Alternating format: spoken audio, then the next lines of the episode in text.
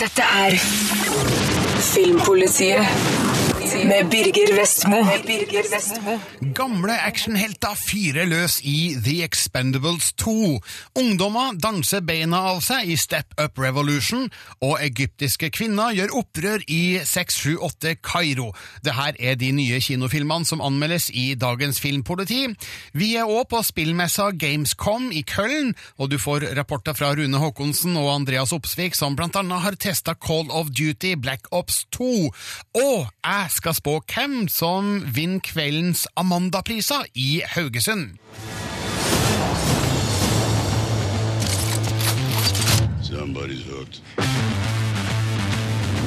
The Expendables 2 er etter all solemerka en drittfilm.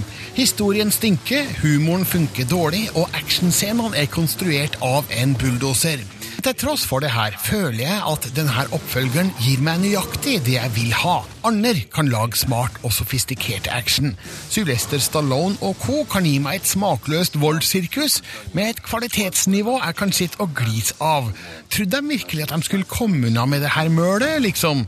Og nettopp derfor gjør de det. You're gonna need more men if you expect to get out of here alive. Denne gangen må Expendables-teamet ta opp jakten på skurken Villain, spilt av Jean-Claude van Damme, som planlegger å finne lagra plutonium i Øst-Europa for å selge det til skumle interessenter. Barney Ross, spilt av Sylvester Stallone, må motvillig ha med seg Maggie, spilt av Non Yu, på laget, samtidig som de møter andre leiesoldater i samme ærend, nemlig Trench, spilt av Arnold Schwarzenegger, og Booker, spilt av Chuck Norris, samt mannen som ga dem oppdraget, Mr. Church, spilt av Bruce Willis. Filmen starter med en bombastisk prolog og fortsetter i samme stil og tempo til det hele er over. Regissør Simon West satser alt på å fylle så mange filmruter som mulig med kaos, og lykkes på den fronten. Her spres voldsom død med en bodycount på linje med den siste Rambo-filmen. Mange av actionscenene er så enkelt koreografert at det nesten er bedårende. Taktikken til skurkene er bestandig å stå i åpent lende for å la seg meie ned, mens heltene alltid finner brukbart dekke for kula bak planker, vinduer etc. Skurkene treffer aldri uansett, mens heltene er fantastiske skarpskyttere med maskingeværild fra hofta. Det fryder meg at noen fremdeles tør lage noe så tåpelig. Det er jo litt morsomt å se Sylvester Stallone, Bruce Willis og Arnold Schwarzenegger del filmruta, men det blir litt kleint når de slår vitser om sine respektive bedrifter på lerretet i gamle dager, med referanser til både Rambo, Die Hard og The Terminator. Det kunne de spart seg for. I'm back. Jo da, The Expendables 2 kunne nok vært mye bedre. Den er like fintfølende som et diesellokomotiv, med særdeles enkle rolletolkninger og en historie som kan forutsies av absolutt alle. Men samtidig er det her en type actionfilm jeg digger, kanskje fordi den trigger nostalgiske minner fra da slike filmer tilsynelatende ble produsert på samlebånd og konsumert nær religiøst på VHS. Jeg liker at gamle helter som Sylvester Stallone, Dolph Lundgren, Jet Li, Jean-Claude van Damme, Bruce Willis, Arnold Schwarzenegger og Chuck Norris får noen minutter i rampelyset. Hva med Steven Seagal i The Expendables 3?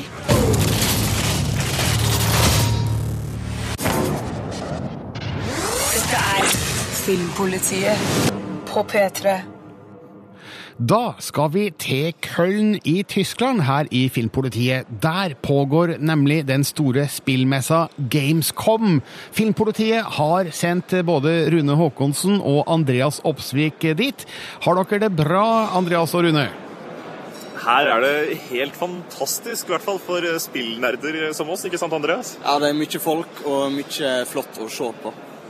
Kan dere forklare litt nærmere om hva Gamescom egentlig er? Gamescom er en av verdens eh, største spillmesser, om ikke den største. Eh, I løpet av disse dagene her så kommer omkring 250 000 besøkende til å ramle inn dørene, i tillegg da til bransjen som har møttes tidligere i eh, uka. Absolutt, og det, det er stappfullt av folk, og det er nesten sånn at det blir litt for masse folk for en stakkars sjel som, som dukker opp på Gullvei. Men Gamescom er altså da et stort utstillingsvindu for kommende dataspill, og alle de store kanonene er til stede? Nesten alle. Eh, To har valgt å utebli fra årets messe, noe som skapte en god del eh, oppstyr i spillverdenen, nemlig Nintendo og Microsoft. Så man lurer jo litt på hva de egentlig holder på med når alle de andre er eh, her. Men de som er der, hva har de å melde? Er det store ting på gang i dataspillverden? Det har vært mange rykter, eh, spesielt et rykte som, eh, som, som virkelig fikk hele eh, bransjen og alle besøkende her til å nesten ta fyr, nemlig at Half-Life 3 kanskje skulle bli annonsert her, men, men det viste seg jo ikke å stemme, Andreas. Nei, vi satt jo der og venta og gleda oss. Og så like før vi egentlig skulle tråkke inn i det, den store presentasjonen, så ble ryktet slått eh, dødt. Og da blir det jo litt antiklimaks, da. Nesten uansett eh, hva de hadde vist frem. Men det er likevel en god del andre nyheter som har kommet ut, og spesielt Sony markerte seg med sin pressekonferanse, hvor de eh, tar eh, et tak for å løfte Vita-konsollen opp i lyset igjen. De har fått mye kritikk for at den har nesten ligget med brukket rygg i en ganske lang tid, men, men denne uka her så viste de at de har klare planer for hva som skal skje videre. Det var jo nesten på tide, vil jeg si. da. Vi har jo etterlyst det litt tidligere, hva de egentlig har tenkt å gjøre med Vitaen. Eh, men nå kan det i hvert fall se ut som de har tenkt å bruke den aktivt i en god del eh, spill. Blant annet denne cross-buy-opplegget, der hvis du kjøper et spill på PS3, så får du òg spillet på PS Vita. De dilter også litt etter Nintendo. Eh, Vi vet jo at Nintendo kommer med en ny konsoll før jul. Den heter Wii U. Og det som er spesielt med den, er at spillkontrolleren, den du holder i handa, har en skjerm på seg. Og dette gjør også Sony og PlayStation nå, hvor de da åpner for muligheten til å bruke PlayStation Vita-konsollen som en håndkontroller til eh, PlayStation 3. Så eh, det er en eh, måte å virkelig sette fokus på Vita-konsollen igjen. Og Sony har fått mye oppmerksomhet for, for det her, og, og mye annet som de har vist fram. Flere nyheter fra Gamescom i Tyskland eh, fins på p3.no filmpolitiet. Rune og Andreas, eh, nå varer spillmessa fram til, til søndag. Eh, Hvordan foregår det her egentlig? Hvor, hvor er dere nå? Hvordan ser det ut rundt dere? Akkurat nå så sitter vi inne i en av businesshallene hvor spillbransjen møtes. Det sitter folk og har møter overalt rundt oss. Vi kan se både Sony og Warner Brothers sine stander. Eh, Litt lenger eh, opp skal si, i lokalene her, det er jo en gigantisk messe, så er det nå omkring 50-60, kanskje til og med så mye som 70 000 mennesker som er inne i store haller og, og tester spill. Um, og det er ikke et sted du bør gå hvis du har eh, angst for mange mennesker. Her er det stappfullt. Er, det litt sånn på Comic-Con i USA at her går man rundt i kostymer og superheltdrakter og, osv.? Ja, det er mye kostymer rundt omkring, og det har en egen cosplay village for de som er spesielt interessert. Og, da, og så har vi ei, det er jente utkledd som zombie som går rundt og prøver å gi klemmer til folk. Det er litt, litt creepy, men òg veldig koselig. Så det her er en blanding av eh, jeg skulle si fest og moro og på den ene sida, og, og ren dataspillpromotering og business på den andre? Ja, dette er jo big business, og når man rusler rundt og, og ser hva spillprodusentene har funnet på, så, så, så er det bare å slå fast at spill er verdens største underholdningsindustri. Eh, Det er millioner, om ikke si milliarder, av eh, dollar i, i spill her, og, og det vises veldig også blant de mange tilhengerne som kommer. Eh, Jeg så f.eks. en som hadde laget en egen hel drakt for Master Chief fra Halo, som han gikk rundt og poserte i. Så det er tydelig at de treffer sitt publikum, i hvert fall. Ja, jeg merker jo på filmfronten, altså i Cannes f.eks., at festivalen der den har blitt tona litt ned de siste åra pga. At filmbransjen mangler jo penger. Eh, Står det bedre til i databransjen? Det vil jeg absolutt si at det gjør. Ja, Om ikke så skjuler de det i hvert fall fryktelig godt.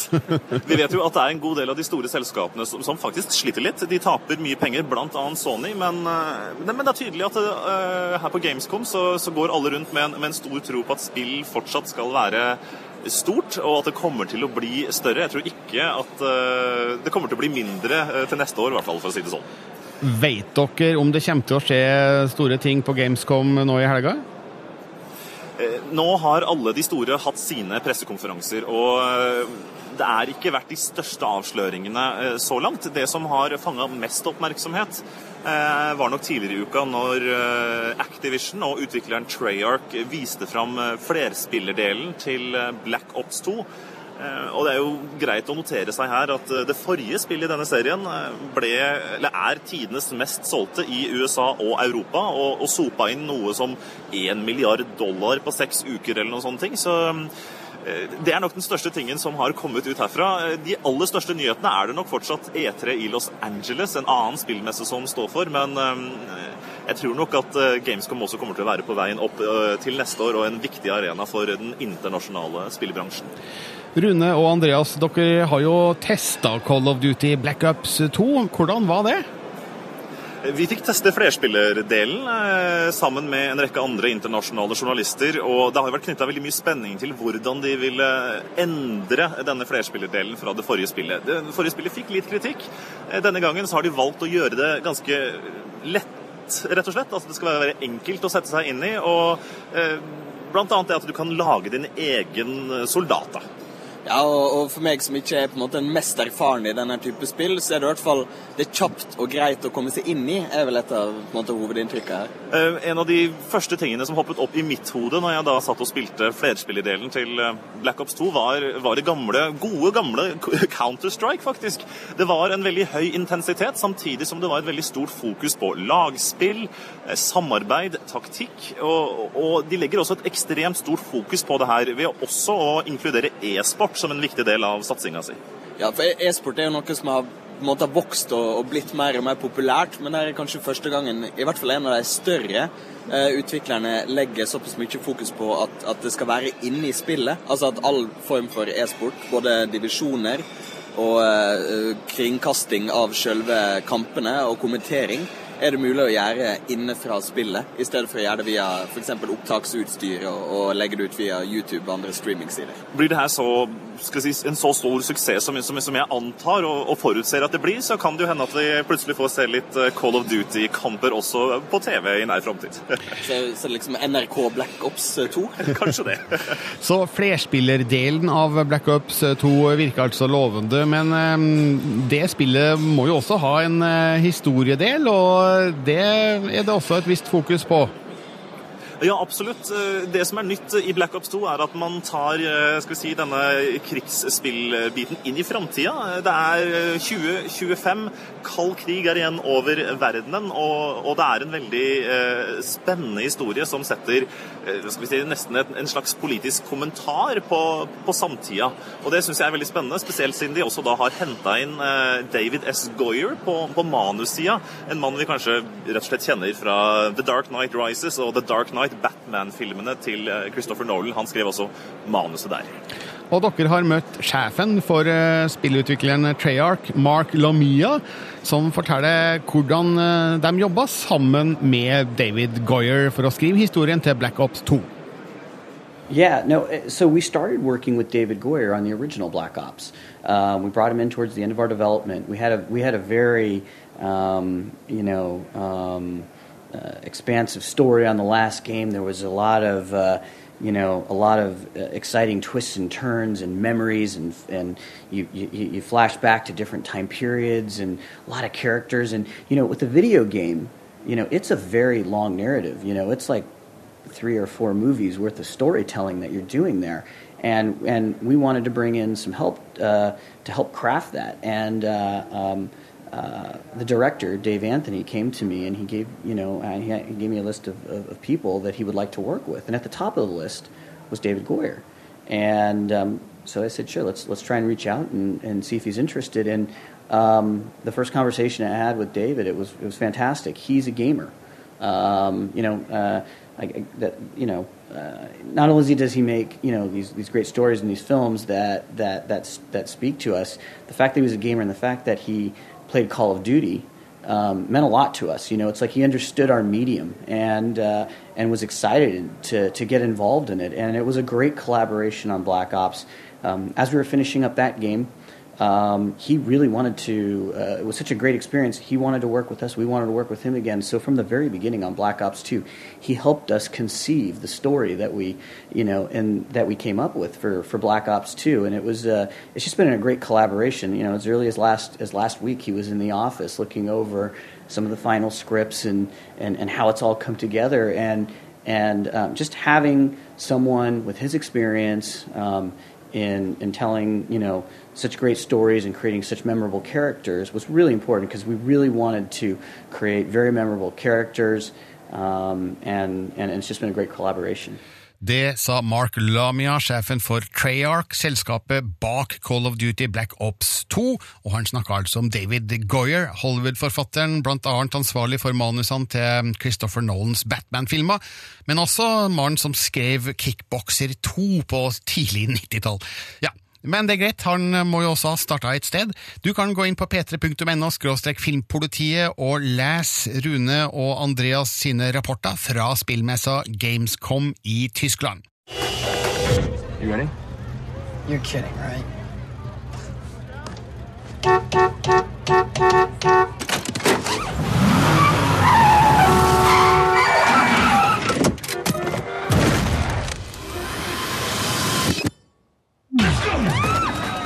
Step Up Revolution er en musikkvideo på 99 minutter. Historien er anorektisk tynn, kjærlighetsdelen av den er kjølig, og skuespillerne mangler karisma, noen av dem også talent. Men dans kan dem. Jeg lar meg imponere av koreografien og stilige sekvenser med spenst og variasjon.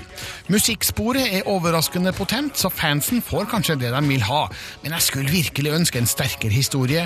Her virker det som om man ikke har anstrengt seg i det hele tatt for å skape figurer jeg kan bry meg om. Vi er i Miami, der flashmob-gruppa The Mob setter sine spor i bybildet, under ledelse av Sean, spilt av Ryan Guzman, og kompisen Eddie, spilt av Misha Gabriel. Vennskapet settes på prøve når Sean forelsker seg i den aspirerende danseren Emily, spilt av Catherine McCormick, og tar hun med i The Mobs innerste sirkel. Og det blir enda mer komplisert når det viser seg at Emilys far, spilt av Peter Gallagher, er den rike hotellmagnaten som vil rive ned nabolaget for å bygge nytt.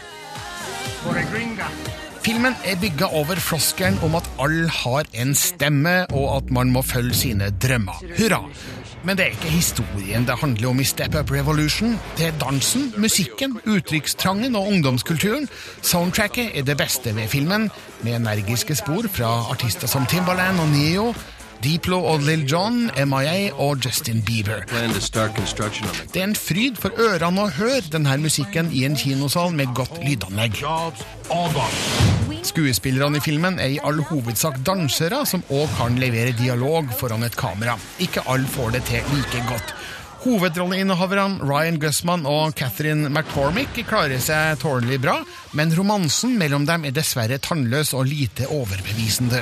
McCormick ble i USA kjent etter danseshowet So You Think You Can Dance i 2009, og dans er noe hun kan, men hun må studere en hel del om hun skal få seg en større karriere som skuespiller. Guzman er ålreit, men irriterende kjekk. Ja, det trekker ned. Det her er den fjerde Step Up-filmen, og det fins et publikum for den. De hadde fortjent et like sterkt fokus på historiefortelling som på musikk og dans. Da kunne resultatet blitt mye bedre. Men regissør Scott Spear får godkjent under tvil, fordi dansesekvensene så absolutt er kompetent filma, og fordi jeg liker soundtracket.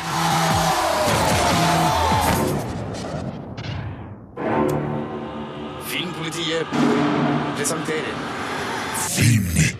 Det har vært kjent en stund at regissør Morten Tyldum og produsentene Jon M. Jacobsen og Sveinung Golimo jobber med en film om den norske sjøhelten Petter Wessel Tordenskjold.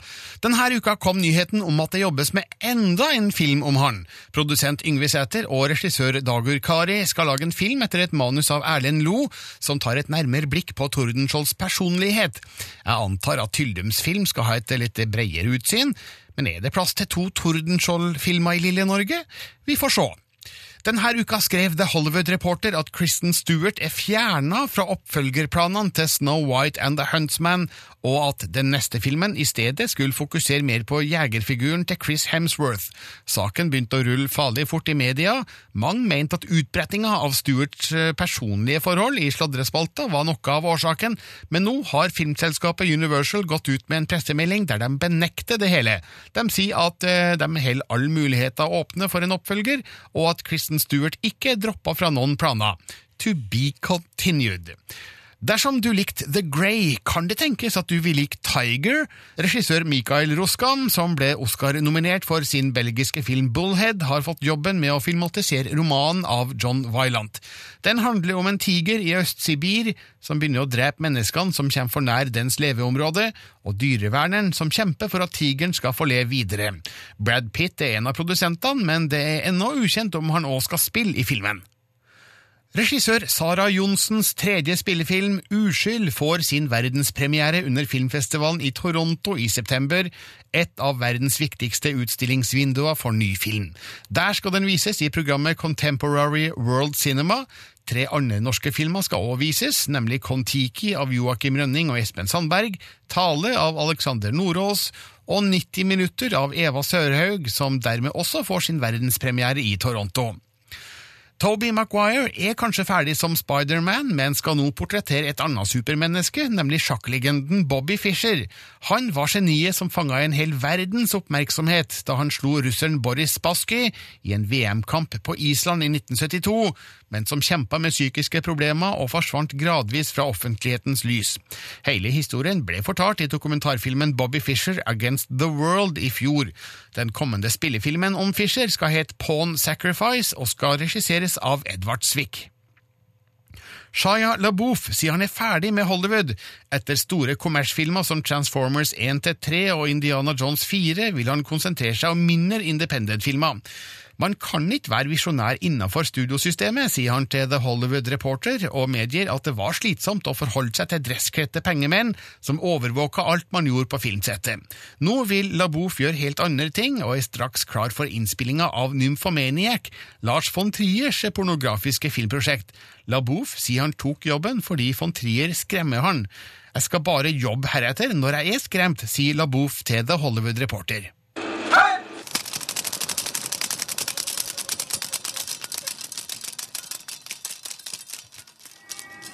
Seksuell trakassering er kanskje ikke et åpenbart tema i Egypt. 678 Kairo forteller om tre kvinner som våger å si fra, og hvilke konsekvenser det får for dem. Jeg merker at kulturforskjellene er litt for store til at jeg helt greier å godta måten problemstillingene presenteres på. Filmen er litt ujevn i skildringa av figurer, meninger og handlinger forandres på et blunk, men hovedtanken bak filmen er interessant. Filmen er inspirert av sanne hendelser. Faiza, spilt av Boshra, blir antasta på bussen. Nelly, spilt av Nahed El-Sebai, vil anmelde en mann som forgrep seg på hun. Og Seba, spilt av Nelly Karim, Forbund starte samtalegruppe for trakasserte etter å ha blitt befølt av en fotballmobb. Vi ser hvordan de her tre kvinnene må kjempe for rettferdighet i et mannsdominert samfunn tufta på gammeldagse holdninger. Sjøl deres egne familier oppfordrer dem til å la være. Masse for nes! Million doser for nes! Jeg liker hvordan filmen viser hvordan problematikken er aktuell i alt samfunnslag, ved at Nelly representerer de rike, Seba den frigjorte middelklassen og Faiza de fattige. Egyptiske menn fremstilles med enkelte unntak som sleipe, sprengkåte og eller kvinnefiendtlige tosker. Noen av dem er i overkant enkelt fremstilt, spesielt Faizas ektemann Adel, spilt av Wassem Samra. Jeg liker ikke hvordan enkelte av de her figurene totalt endrer holdning etter innfallsmetoden, uten at jeg føler at jeg får noen forklaring på den plutselige endringa.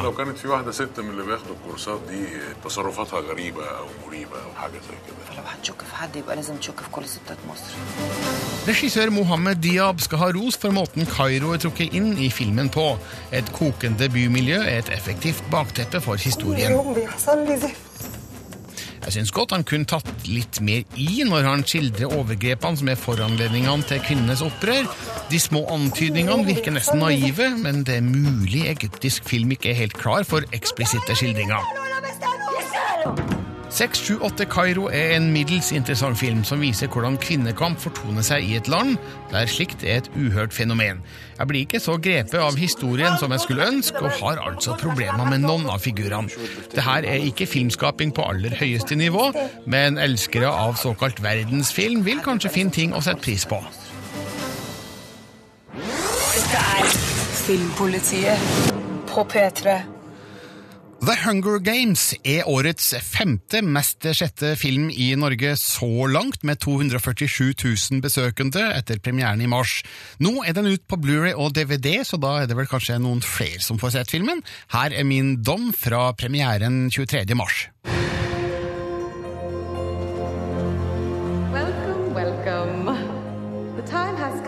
Come to select one courageous young man and woman for the honor of representing District 12 in the 74th annual Hunger Games. Den mye leste boka The Hunger Games av forfatter Suzanne Collins har blitt en god film. Regissør Gary Ross forteller en ganske spennende og nervepirrende historie, full av indre og ytre dramatikk og moralske dilemmaer. Jennifer Lawrence, som allerede har imponert i filmen Winter's Bone, er perfekt som heltinne her, og sementerer sin posisjon som en av Hollywoods mest interessante skuespillere. We could do it, you know. Take off, live in the woods. They'd catch us. Well, maybe not. We wouldn't make it five miles. Historien finner sted i en postapokalyptisk verden der Nord-Amerika nå heter Panem og er delt opp i tolv distrikter. Befolkninga holdes i sjakk av et diktatur, bl.a. ved hjelp av det årlige The Hunger Games. Her velges to ungdommer mellom 12 og 18 år fra hvert distrikt til å delta i en turnering der vinneren er den siste gjenlevende. Katniss Everdeen, spilt av Jennifer Lawrence, blir tvunget til å melde seg frivillig, og filmen følger hennes vei til hovedstaden, til trening og til kamp i en kontrollert og kameraovervåka skog. Opplevelsen av reisa står sentralt. Vi følger denne jenta fra en virkelighet til en annen. Vi ser hvordan hun utvikler seg i løpet av reisa fra å være en forsørger til å bli en overlever. Jennifer Lawrence spiller med stor overbevisning, sjøl når historien kan virke absurd og latterlig.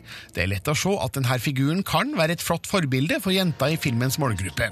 Josh Hutcherson er òg god som Peta Mellark, nabogutten som òg blir deltaker, og dermed er en fiende i The Hunger Games, men som er hemmelig forelska i Katniss. They just want a good show. That's all they want. There's 24 of us, Gail. Only one comes out. Det kan i utgangspunktet være vanskelig å tro på konseptet der barns dødskamp liksom skal være akseptert som god TV-underholdning. Det er ikke bare det at selve ideen slår meg som grusom. Det er i tillegg fryktelig langt mellom eh, høydepunktene i showet. Det ser ut som kjedelig TV. Jeg setter også spørsmålstegn ved hvordan publikum kan se bilder som åpenbart er filma av en løpende kameramann, når det ikke fins kameramenn i skogen. Men pytt, historien fortelles med overbevisning, og gjør det her likevel til en verden vi kan tro på, tross alt. Spenninga i skogen skildres godt og føles som en lett blanding av Battle Royale, Fluenes herre, Predator, Twilight og Rambo.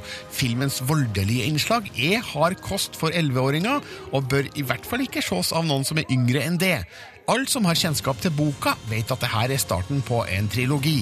Jeg syns The Hunger Games er akkurat god nok til at jeg gjerne ser mer, spesielt om Katniss Everdeen i Jennifer Lawrences figur er like sentral i de to siste historiene. Den første har mange elementer i seg som lukter suksess, så gjenstår det å se om det her blir vårens store ungdomsfilm.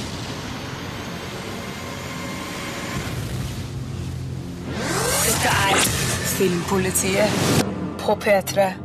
Det spørs om noen av skaperne bak Kompani Orheim vil gå rundt med dollartegn, eller kronetegn kanskje, i øynene etter eh, kveldens Amanda-utdeling. På p3.no filmpolitiet tipper jeg at eh, filmen har god sjanse til å bli kåra til årets eh, norske kinofilm, og få pris for beste hovedrolle, Kristoffer Joner, og beste kvinnelige birolle, Cecilie Mosli, og beste manus til og med, så får vi se om det går så bra for Kompani Orheim som jeg trur. Denne uka kom filmen ut på Blu-ray og DVD, dermed kan du sjøl se hvor god den egentlig er. Først, før du går og kjøper filmen, eller leier den, her er min anmeldelse fra 2. mars. Det kan vi takke noen få menn for, Jarle. Vi kan ha det livet vi har. Meg og deg og mamma. Kompani Orheim, vet du. Kompani Orheim er ingen god alkoholreklame. Den forteller om vyer, planer og ambisjoner for et godt familieliv som drukner i spriten. Det vi presenteres for, er ruinene av det som kun har vært. Filmen er sår og vond, men har òg godhet og hjertevarme. Regissør Arild Andresen forteller historien med innsikt og klokskap. Og ikke minst, filmen byr på Kristoffer Joner i den sterkeste rollen han har prestert i løpet av en karriere som ikke akkurat har manko på gode prestasjoner. Det her gjør Kompani Orheim til en film du må se. Folk sier at Jarle Orheim har flippa helt ut den siste tida. Så jeg har skjønt deg. Helge Ombo. Vi møter så vidt Jarle Klepp, spilt av Rolf Kristian Larsen, idet han mottar budskapet om farens død. Så blir vi tatt med tilbake til Stavanger i 1985, da Jarle, nå spilt av Vebjørn Enger, het Orheim og bodd sammen med mamma, spilt av Cecilie Mosli, og pappa, spilt av Kristoffer Joner, i rekkehus. Vi ser hvordan familien går opp i liminga pga. farens alkoholmisbruk, hvordan Jarle kanaliserer sin aggresjon gjennom politisk aktivisme sammen med kompisen Helge, spilt av Glenn André Vistebø, og hvordan det bygger seg opp til full konfrontasjon på hjemmebane. Jeg driter i hva dere sier. Jeg er selvstendig, og jeg er faktisk kommunist. Det som gjør filmen så sår og vond, er at det er lett å se pappa Orheims oppriktige ønske om at familien skal ha det godt.